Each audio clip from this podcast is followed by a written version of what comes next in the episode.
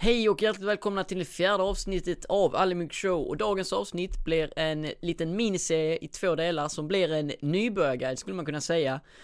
Och jag skulle vilja kalla det för det enklaste sättet att komma igång att investera på börsen, vilket också är basically hur jag själv investerar majoriteten av mina pengar på börsen. Så när första gången som du lyssnar på den här podcasten, hjärtligt, hjärtligt välkommen, eller tittar för den delen på YouTube, så är mitt namn Oliver Almog och jag driver den här podden Eh, och jag är sjukt fascinerad av ekonomi och marknadsföring och i varje avsnitt försöker jag stjäla det bästa som jag lär mig från böcker, podcast, artiklar och mycket annat och förmedla det på det enklaste sättet till dig som lyssnar. Och målet är att försöka ha relativt korta episoder, vilket är lite av en utmaning för mig själv, för jag gillar att bara babbla på. Och innan vi börjar vill jag också säga bara en liten disclaimer, historisk avkastning är ingen garanti för framtiden. Och det jag säger här är väldigt generella råd, det är alltid bra om du vill ha så här topp, topp tips för din egen del, anlita en opartisk finansiell rådgivare, för det här är ingen finansiell rådgivning, utan det är mest bara för educational purposes. Så om vi drar igång, varför bör du investera?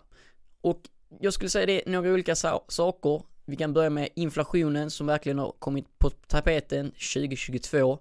Att kunna få sina pengar att öka i värde mer än inflationen vilket är extremt svårt i nuläget, men är något som är möjligt att göra med börsen över lång tid. Investerar du dina pengar så kan du förvänta dig, om vi kollar på hur det varit historiskt i alla fall, en högre utveckling och avkastning för dina pengar i förhållande till inflationen.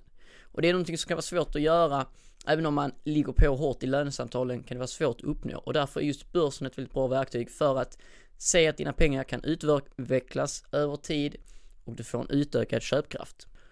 Och det är också för att om vi kollar på pensionssystemet, vi har ju ett ett bra pensionssystem i Sverige, men det kan fortfarande vara så att du kanske inte kommer vara nöjd med din pension när du väl tar, eh, liksom när dagen kommer för dig att gå i pension.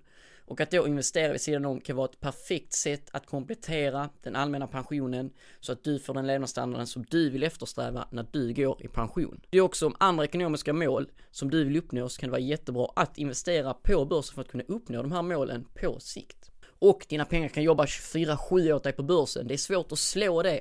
Börsen är dock stängd för aktier eh, och fonder på helgerna, men annars så bara jobbar de på 24-7. Det, liksom, det, är som, det är dina små arbetare som du sätter i arbete och sen jobbar de för att dina pengar ska växa och växa över sikt liksom. Fantastiskt, eller hur? Det är klart man ska hänga med där. Och vi ska kolla lite mer på inflation så har vi den här bilden till exempel. Nu för tiden får du kanske en Big Mac för 499 dollar, men förr i tiden fick du en triple Big Mac för samma pengar. Så det är just det eh, inflationen är, att den äter ur din köpkraft på sikt och därför är det just väldigt bra att kunna använda börsen för att kunna accelerera din rikdom över tid. Men man kan också ha shrink inflation som jag tycker är väldigt intressant. Till exempel att eh, chokladkakorna eh, blir mindre eller godispåsarna ehm, eh, blir också mindre. Det är väldigt intressant och fascinerande att tänka på att man behöver inte höja priset utan om du bara minskar vad du säljer så kan du ändå få liksom en prisökning. Det är någonting som man kan hålla koll på och varit en del artiklar om det de senaste åren som jag tycker är en fascinerande sak, kanske lite tråkigt för konsumenterna så det är bra att hålla ett öga på det. Och när vi pratar om börsen så pratar vi oftast främst om att investera i aktier och det är ägarandelar i delar av ett företag. Så när du köper en aktie så får du ta del av vinsten som det här företaget gör, kursuppgången om aktien ökar i värde så kan du sen sälja den till ett högre värde. Du kan också få utdelning från att delar av vinsten delas ut till dig som aktieägare. Och det är oftast den liksom tillgångslaget man brukar prata om när man pratar om börsen, men det finns också räntor och obligationer som har lägre risk och lägre förväntad avkastning, där det då är typ former av lån. Och du, du kan också kombinera de här två för att hitta liksom den perfekta eh, risken för din del. Men först, innan vi börjar investera så är det väldigt viktigt att få koll på privatekonomin. Du vill betala av alla dina dyra lån som du har i nuläget. Du kan inte börja bygga på ditt egna näststeg innan du har betalat av liksom eh, det du håller på att bygga åt någon annan. Att ha eh, sms-lån och andra skulder med väldigt hög ränta, du kommer inte kunna utnyttja börsens magi om du inte blir av med de här först. Så det är liksom en utgångspunkt. Vi måste se över det privatekonomiska och den mest fundamentala grejen är ju att vi har våra inkomster och så har vi utgifterna och där måste ju finnas ett positivt glapp här och de här pengarna kan vi då trolla med. Så det är någonting man måste se över. Man ska ju liksom dra ner där det går att dra ner på och sen kan man börja investera. Och om man sedan därefter vill investera ännu mer, då måste man kolla på hur kan vi höja inkomsterna?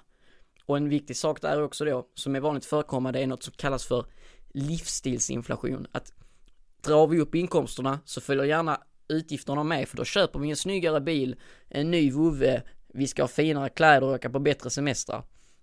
Medför det här något mervärde till ens liv?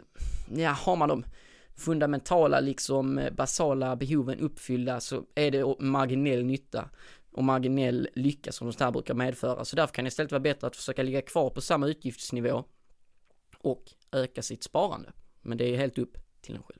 Så nu kommer vi till del två där vi kör igång, man kan kalla det för investera lätt och rätt, i alla fall vad mycket statistik visar för, som är en bra utgångspunkt tycker jag i alla fall att ha på börsen, hur man kan börja investera. Att vara lat lönar sig. Om vi kollar på en artikel här, genomsnittlig Avansianen, eh, kunden på Avanza, borde bara köpa en indexfond. Och vi ska komma till vad en indexfond är snart.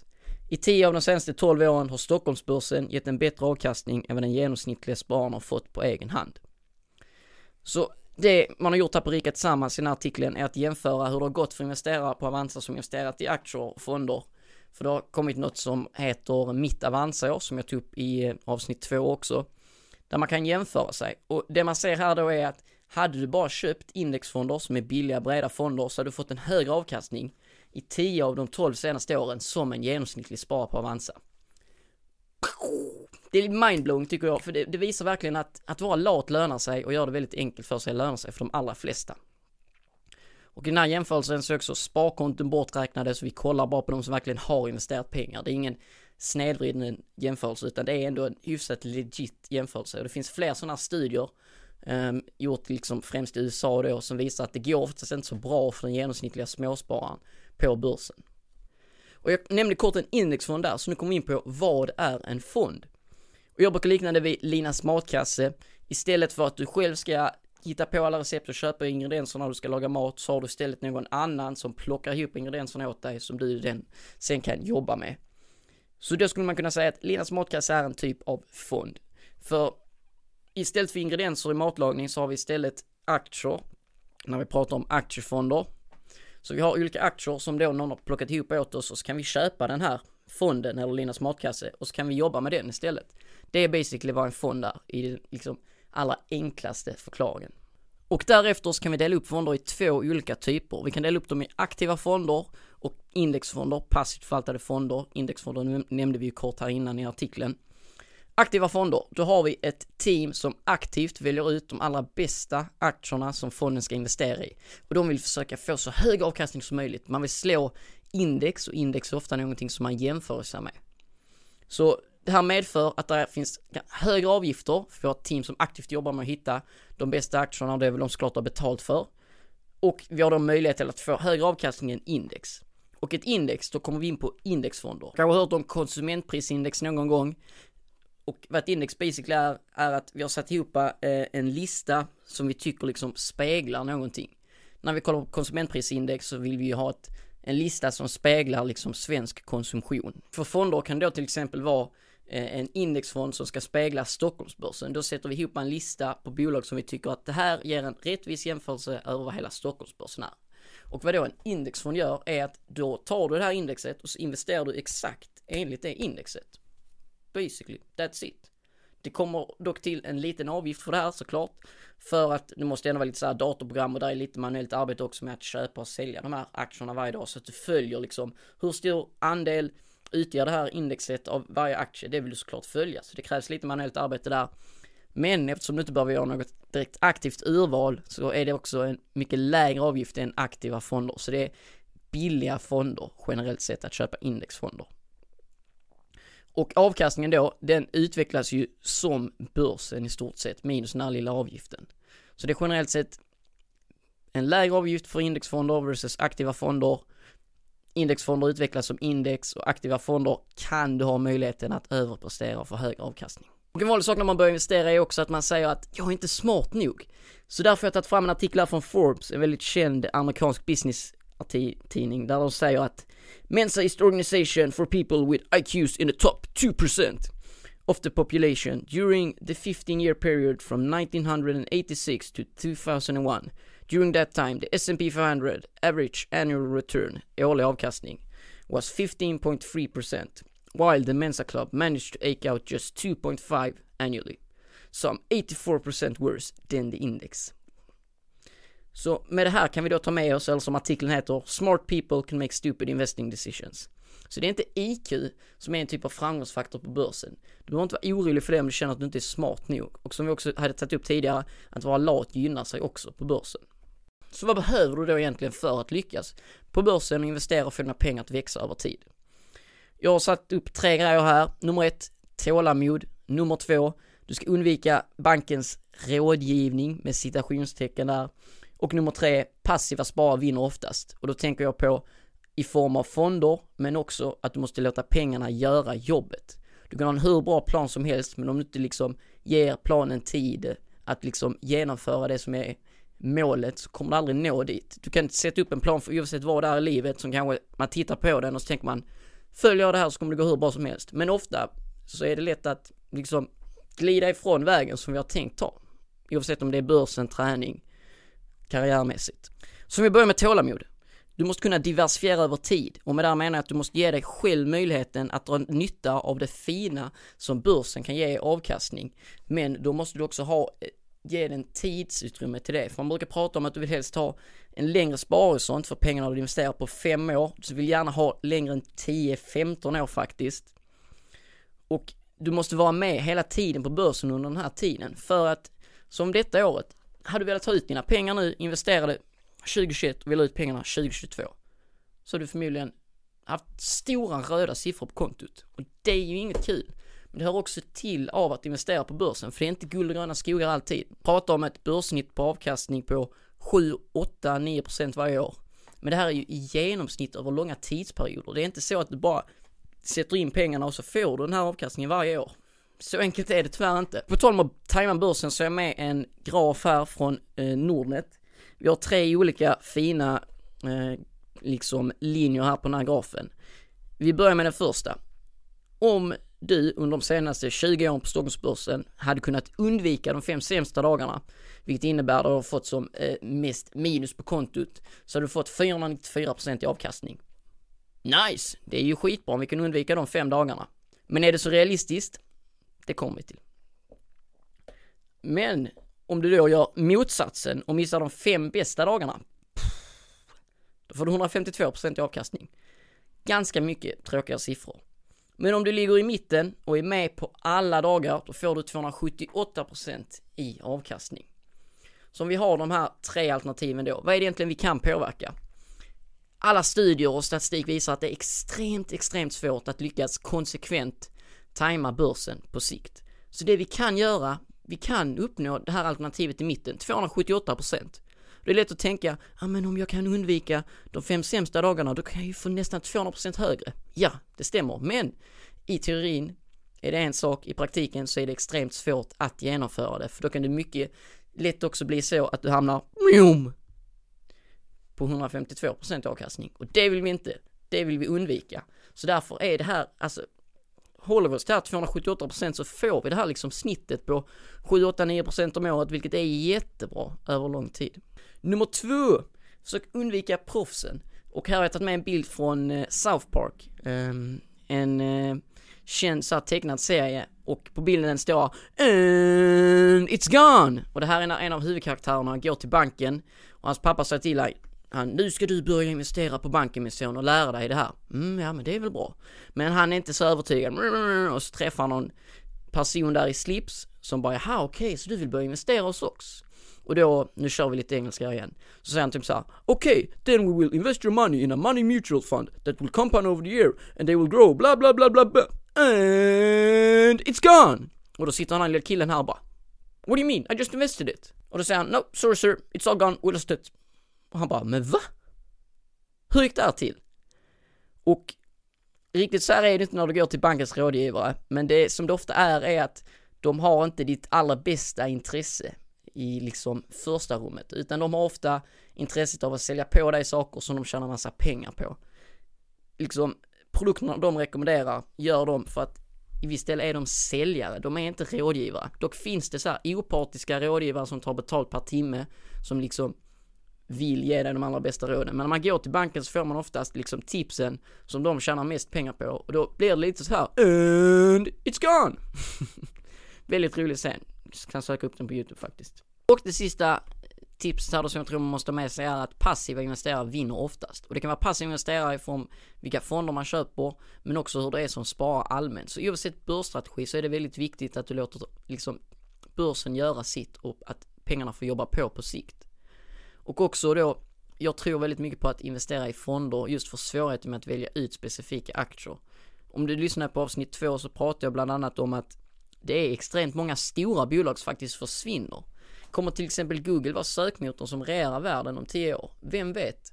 Men det krävs mycket mer jobb när du vill börja bli en aktieinvesterare som ska välja ut specifika bolag. Och generellt sett så går det inte speciellt bra för de allra flesta med det här, för man har för dålig riskspridning, man äger för få bolag. Man baserar för mycket av det man köper på vad andra har sagt och kollar typ på, på Reddit eller på förra årets vinnare och det är inte givet att de liksom förra årets vinnare blir framtidens vinnare.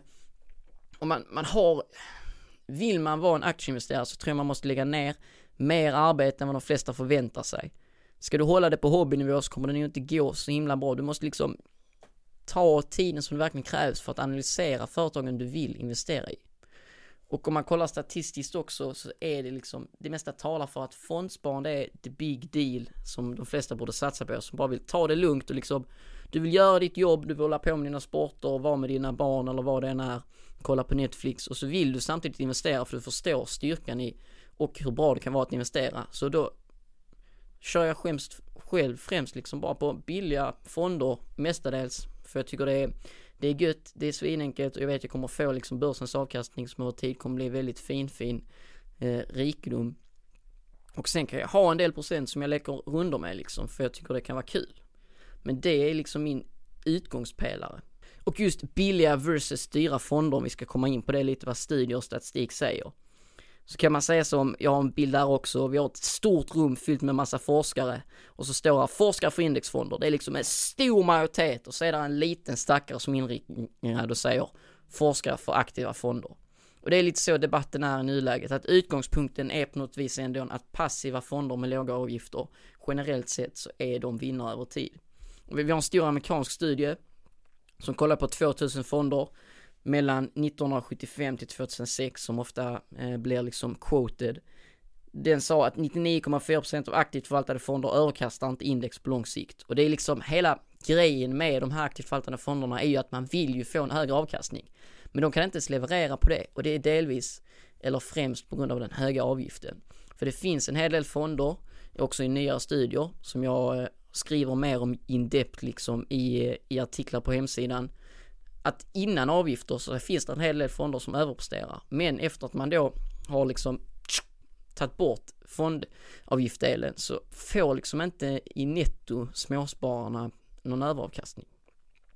Och jag kommer också eh, snart göra ett mer liksom så här sjukt djupgående avsnitt om aktiva fonder versus indexfonder. Så nu blir det bara lite ytligt. Om vi ska ta en studie i Sverige kring det här eh, som har gjorts så sa de så här i slutsatsen. Investors wanting exposure to the Swedish stock market through mutual funds, fonder, should be aware of the lack of persistence in fund returns and choose a passively managed fund with low or no fees, rather than an actively managed fund. Så om man ska översätta det här då till eh, svenska så säger de i stort sett välj passivt förvaltade fonder i, liksom som en generell regel för de flesta aktivt förvaltade fonderna, där finns ingen eh, Eh, uthållighet i överkastningen. Du kan ha vinnarfonder på ett år, två års sikt, tre års sikt, men över längre tidshorisonter så finns det inte någon uthållighet i överkastningen. Och en graf de har med i studien är att man kan se så här, fem sämsta fonderna versus fem bästa fonderna och så kollar man på de fem eh, Eh, påföljande åren. Och det man vill visa är liksom något som kallas för reversion to mean eller återgående till medelvärde. Att över tid så tenderar de att liksom mötas i mitten på sätt och vis. Och det är därför det är så svårt att välja ut aktivt förvaltade fonder. Det finns dock sätt som jag kommer prata mer om då in i kommande avsnitt om aktiva fonder versus passiva fonder. Men eh, det är väldigt svårt, väldigt svårt och ingenting som jag personligen själv försöker göra. Så innan vi kommer in på det mer praktiska och det verkligen sätter igång så vill jag bara säga att försök undvika det här nu när vi snart har ett nytt år runt hörnet. Artiklar som när, här är årets bästa fonder. Och då kollar man ofta på så här, vilka fonder har varit bäst? Det här senaste året som varit ett väldigt unikt börsklimat, varje börsår är liksom unikt på sitt sätt. Att bara köpa de vinnarna, det slutar oftast inte bra. Och för att visa det här så kommer jag också framöver nu göra så här att när nästa så här 2022 års vinnarfonder kommer ut så kommer jag göra en fondportfölj och köpa alla de här och så kommer vi liksom kunna följa upp det på sikt och se hur den utvecklas. Och därtill artiklar som dessa, experterna om börsåret 2022 kan bli minst lika bra som i år. Och så står det också en underrubrik. Oron som kan få börsen att falla kan skaka till rejält. Alltså, sådana här artiklar kommer oftast inte ge dig någon klarhet. Det, det, är liksom ofta de som får med sådana artiklar, då har man sagt någon bold statement eller så. Och man kollar ofta väldigt mycket på det som har varit precis på sistone. Och det leder oss in på veckans psykologiska fälla faktiskt, som är det här lilla segmentet på den där jag försöker förmedla en psykologisk faktor som jag tror kan vara viktig att ta med sig på börsen. Och anledningen till att jag gör det är för jag tror att den psykologiska faktorn bakom att investera är förmodligen den allra viktigaste saken att ha koll på om du vill lyckas med investeringar men också livet generellt.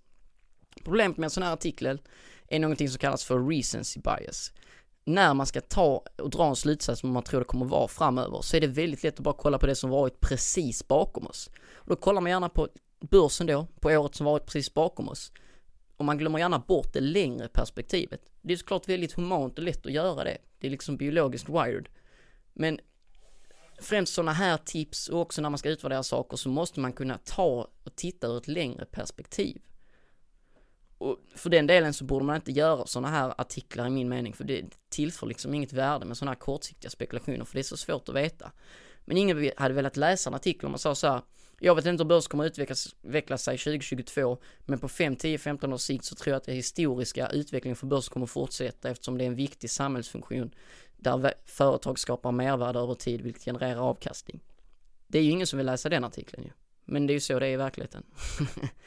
Så ha med dig det när du utvärderar saker, recency bias, att det är väldigt lätt att kolla på det som varit precis här i närtid och glömma bort det längre perspektivet. Som nu, kommande artiklar om börsen kommer säkert alla vara väldigt negativa inför börsåret 2023. Men det är ju för att man bara kollar på det som varit precis bakom oss. Det, vem vet när det vänder om liksom, är det jag försöker skicka med mig. Jag säger inte vad som är rätt och fel, men det är väldigt lätt att göra sådana här spekulationer. Så sammanfattningsvis nu när vi verkligen kommer in på det praktiska, att vara lat belönas. Det spelar ingen roll om du investerar i aktier eller fonder då, du måste hålla dig till din strategi över lång tid och vara lat. Låt pengarna jobba på börsen. Och skippa sånt här som när du känner dig mogen kan du börja med aktier. För att börja med fonder är liksom både en bra början och ett slut. Avkastningsmässigt och tidsmässigt. Men om du har ett intresse för det, go for it. Såklart ska du köra på aktier. Och det är lite samma liksom metodik som man måste ha med sig oavsett om du investerar i fonder eller aktier. Du måste ha det här långsiktiga perspektivet. Du ska sprida risken. Och du ska förstå vad du köper. Det är liksom lite sund förnuft krävs oavsett vilken strategi som du använder och den långa tidshorisonten. Och vi verkligen ska sammanfatta vad jag försöker förmedla med hur jag investerar så är det som Jack Bogle som har typ blivit lite så här fadern av indexfonder, sådana här billiga fonder som jag pratade om, sa att Don't look for the needle in the haystack, just buy the haystack. Det är så majoriteten av studierna och statistiken talar för hur småsparare bör investera. Du ska investera så brett som möjligt, så billigt som möjligt och så kommer det bli riktigt bra över lång tid. Så nummer tre, del tre här blir hur du kan börja automatiskt investera i fonder idag. Och när vi börjar investera så har vi också, måste vi ha våra aktier och fonder på en, en, ett konto för att vi måste betala lite skatt. Det har varit snack om det nu att vi kommer ha en höjning på det liksom mest populära kontotypen som heter investeringssparkonto, ISK. Men det är faktiskt fortsatt så att det är den bästa kontotypen i nuläget att ha dina aktier och fonder på. Då gjorde jag någon kort video om också att känn ingen panik över det att du behöver byta konto på grund av att vi har en höjd ränta för tillfället. Vi börjar med en bok som snart är 100 år gammal. The Richest Man in Babylon. Den här köpte jag på original edition på engelska. Det var väldigt jobbigt, det var väldigt gammal engelska där faktiskt. I don't recommend that om du vill läsa den här boken, den finns på svenska också. Och det, boken berättar på ett väldigt eh, bra och enkelt sätt om ekonomiska tips utifrån att vi skulle vara i Babylonien, det här stora riket, och då i the big city, Babylon. Och det är enkla och viktiga regler för hur du kan investera. Och en av dem är, spara en tiondel till dig själv. Och ett citat från boken är, till varje person som sätter undan inte mindre än en tiondel av sina pengar kommer guld att flöda för att skapa en trygg framtid.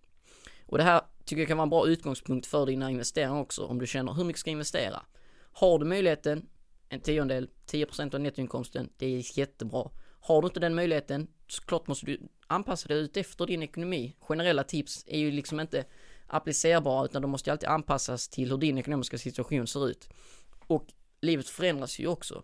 I nuläget har vi extremt hög inflation, räntor som går upp, kanske du har fått mindre att göra för tillfället på jobbet så du har fått en lägre inkomst också.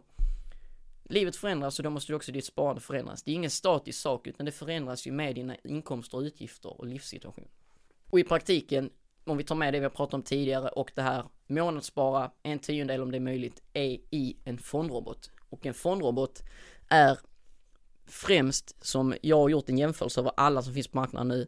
Det är eh, inte en magisk robot som kommer göra något crazy med dina pengar utan det är helt enkelt att du har, att du svarar på några frågor om din ekonomiska situation och sen sätter den ihop olika fonder, oftast indexfonder, billiga fonder som du sen kan ah, så investera i automatiskt varje månad. Och de kommer se till att Sverige utgör 20% för det finns en anledning till att de har valt det och USA utgör 40% för de har satt liksom, du vill ha en viss fördelning och den gör liksom all den här fördelningen åt dig automatiskt. Och det är någonting som är väldigt gött att ha. För fördelningen mellan olika länder och olika fonder är en viktig del för din avkastning på sikt. För det kan vara så att en marknad sticker iväg och utvecklas väldigt mycket.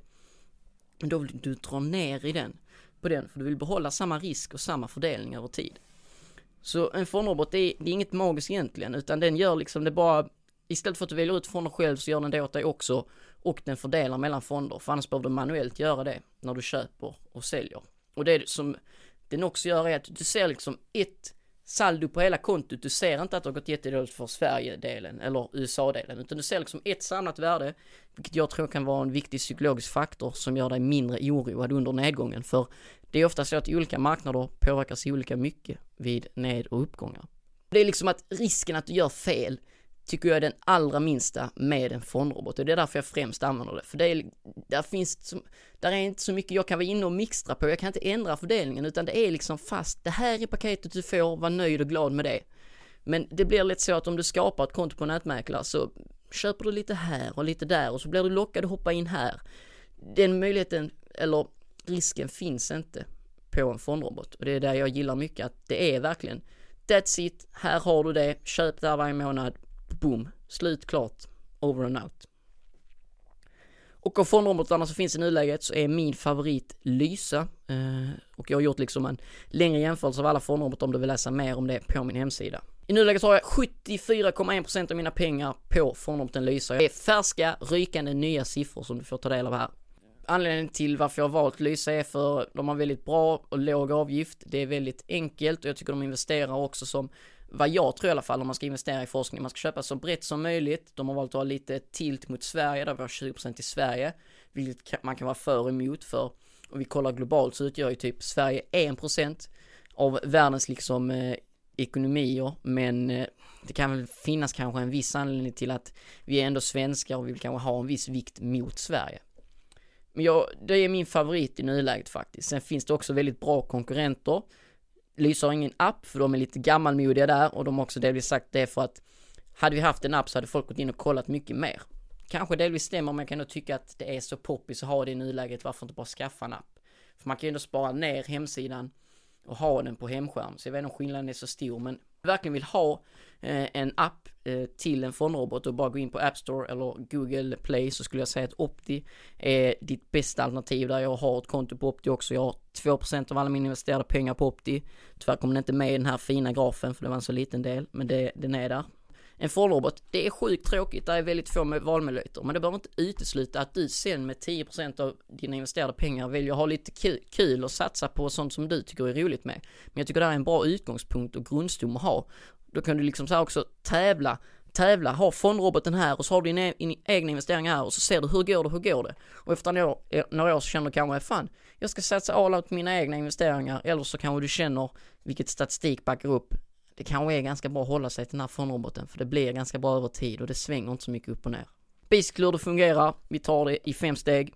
Du gör ett konto, du måste svara på lite tråkiga basic frågor och vissa frågor handlar om din ekonomiska situation så de kan kunna bedöma hur mycket risk du ska ta och andra är bara för att de måste göra, eh, svar, ha liksom dem enligt regelverket. Sen får du ett förslag mellan aktier och räntor och vi har inte pratat så mycket om det men det är att aktier, högst risk, högst förväntad avkastning av tillgångslagen. och räntor har vi lite lägre risk och lägre förväntad avkastning. Men att kombinera dessa två kan vara bra.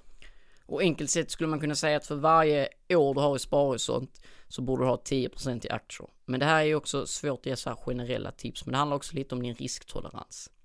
Sen är det lite bank-id, pip, pip, och sen har vi signat upp.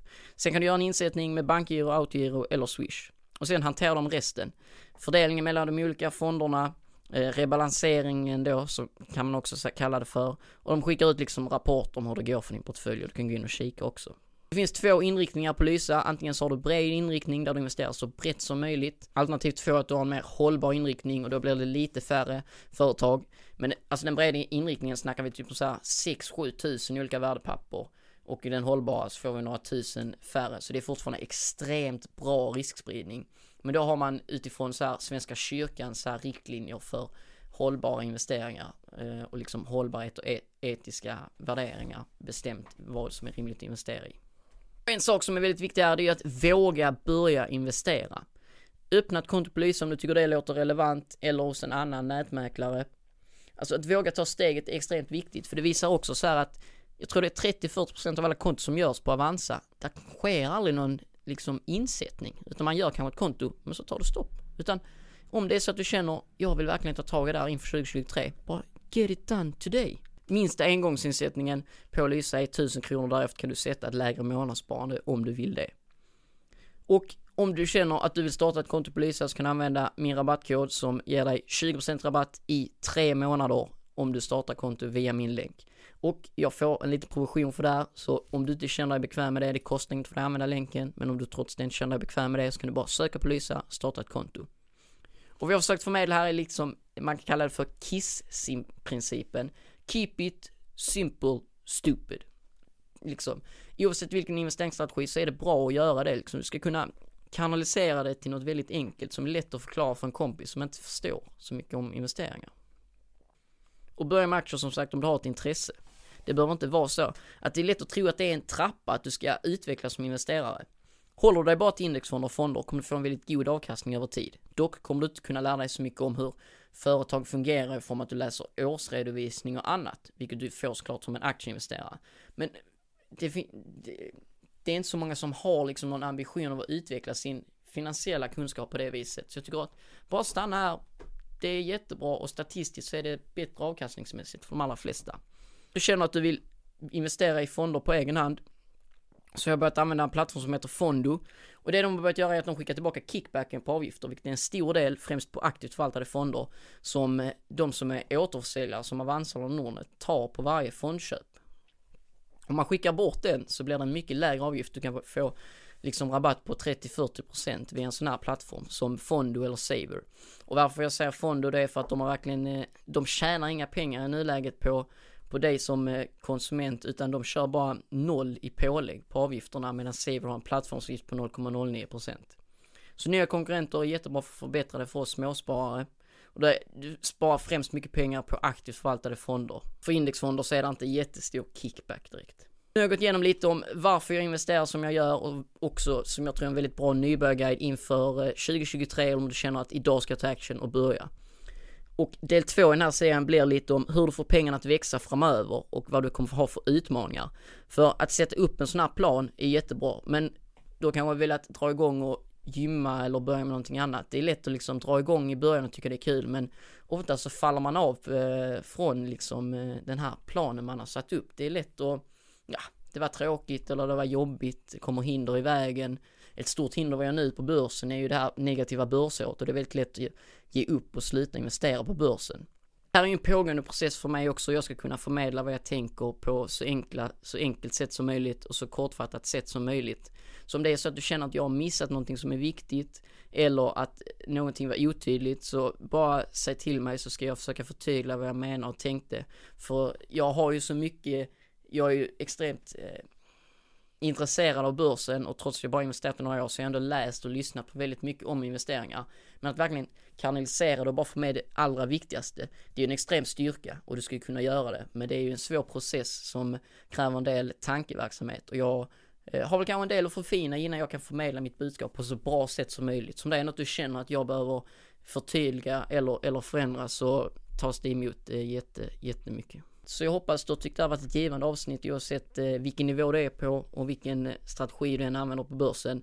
Och är det någonting du vill diskutera så är det alltid, kan du alltid mejla, skriva till mig och så vidare. Så ses vi i nästa avsnitt. Ciao!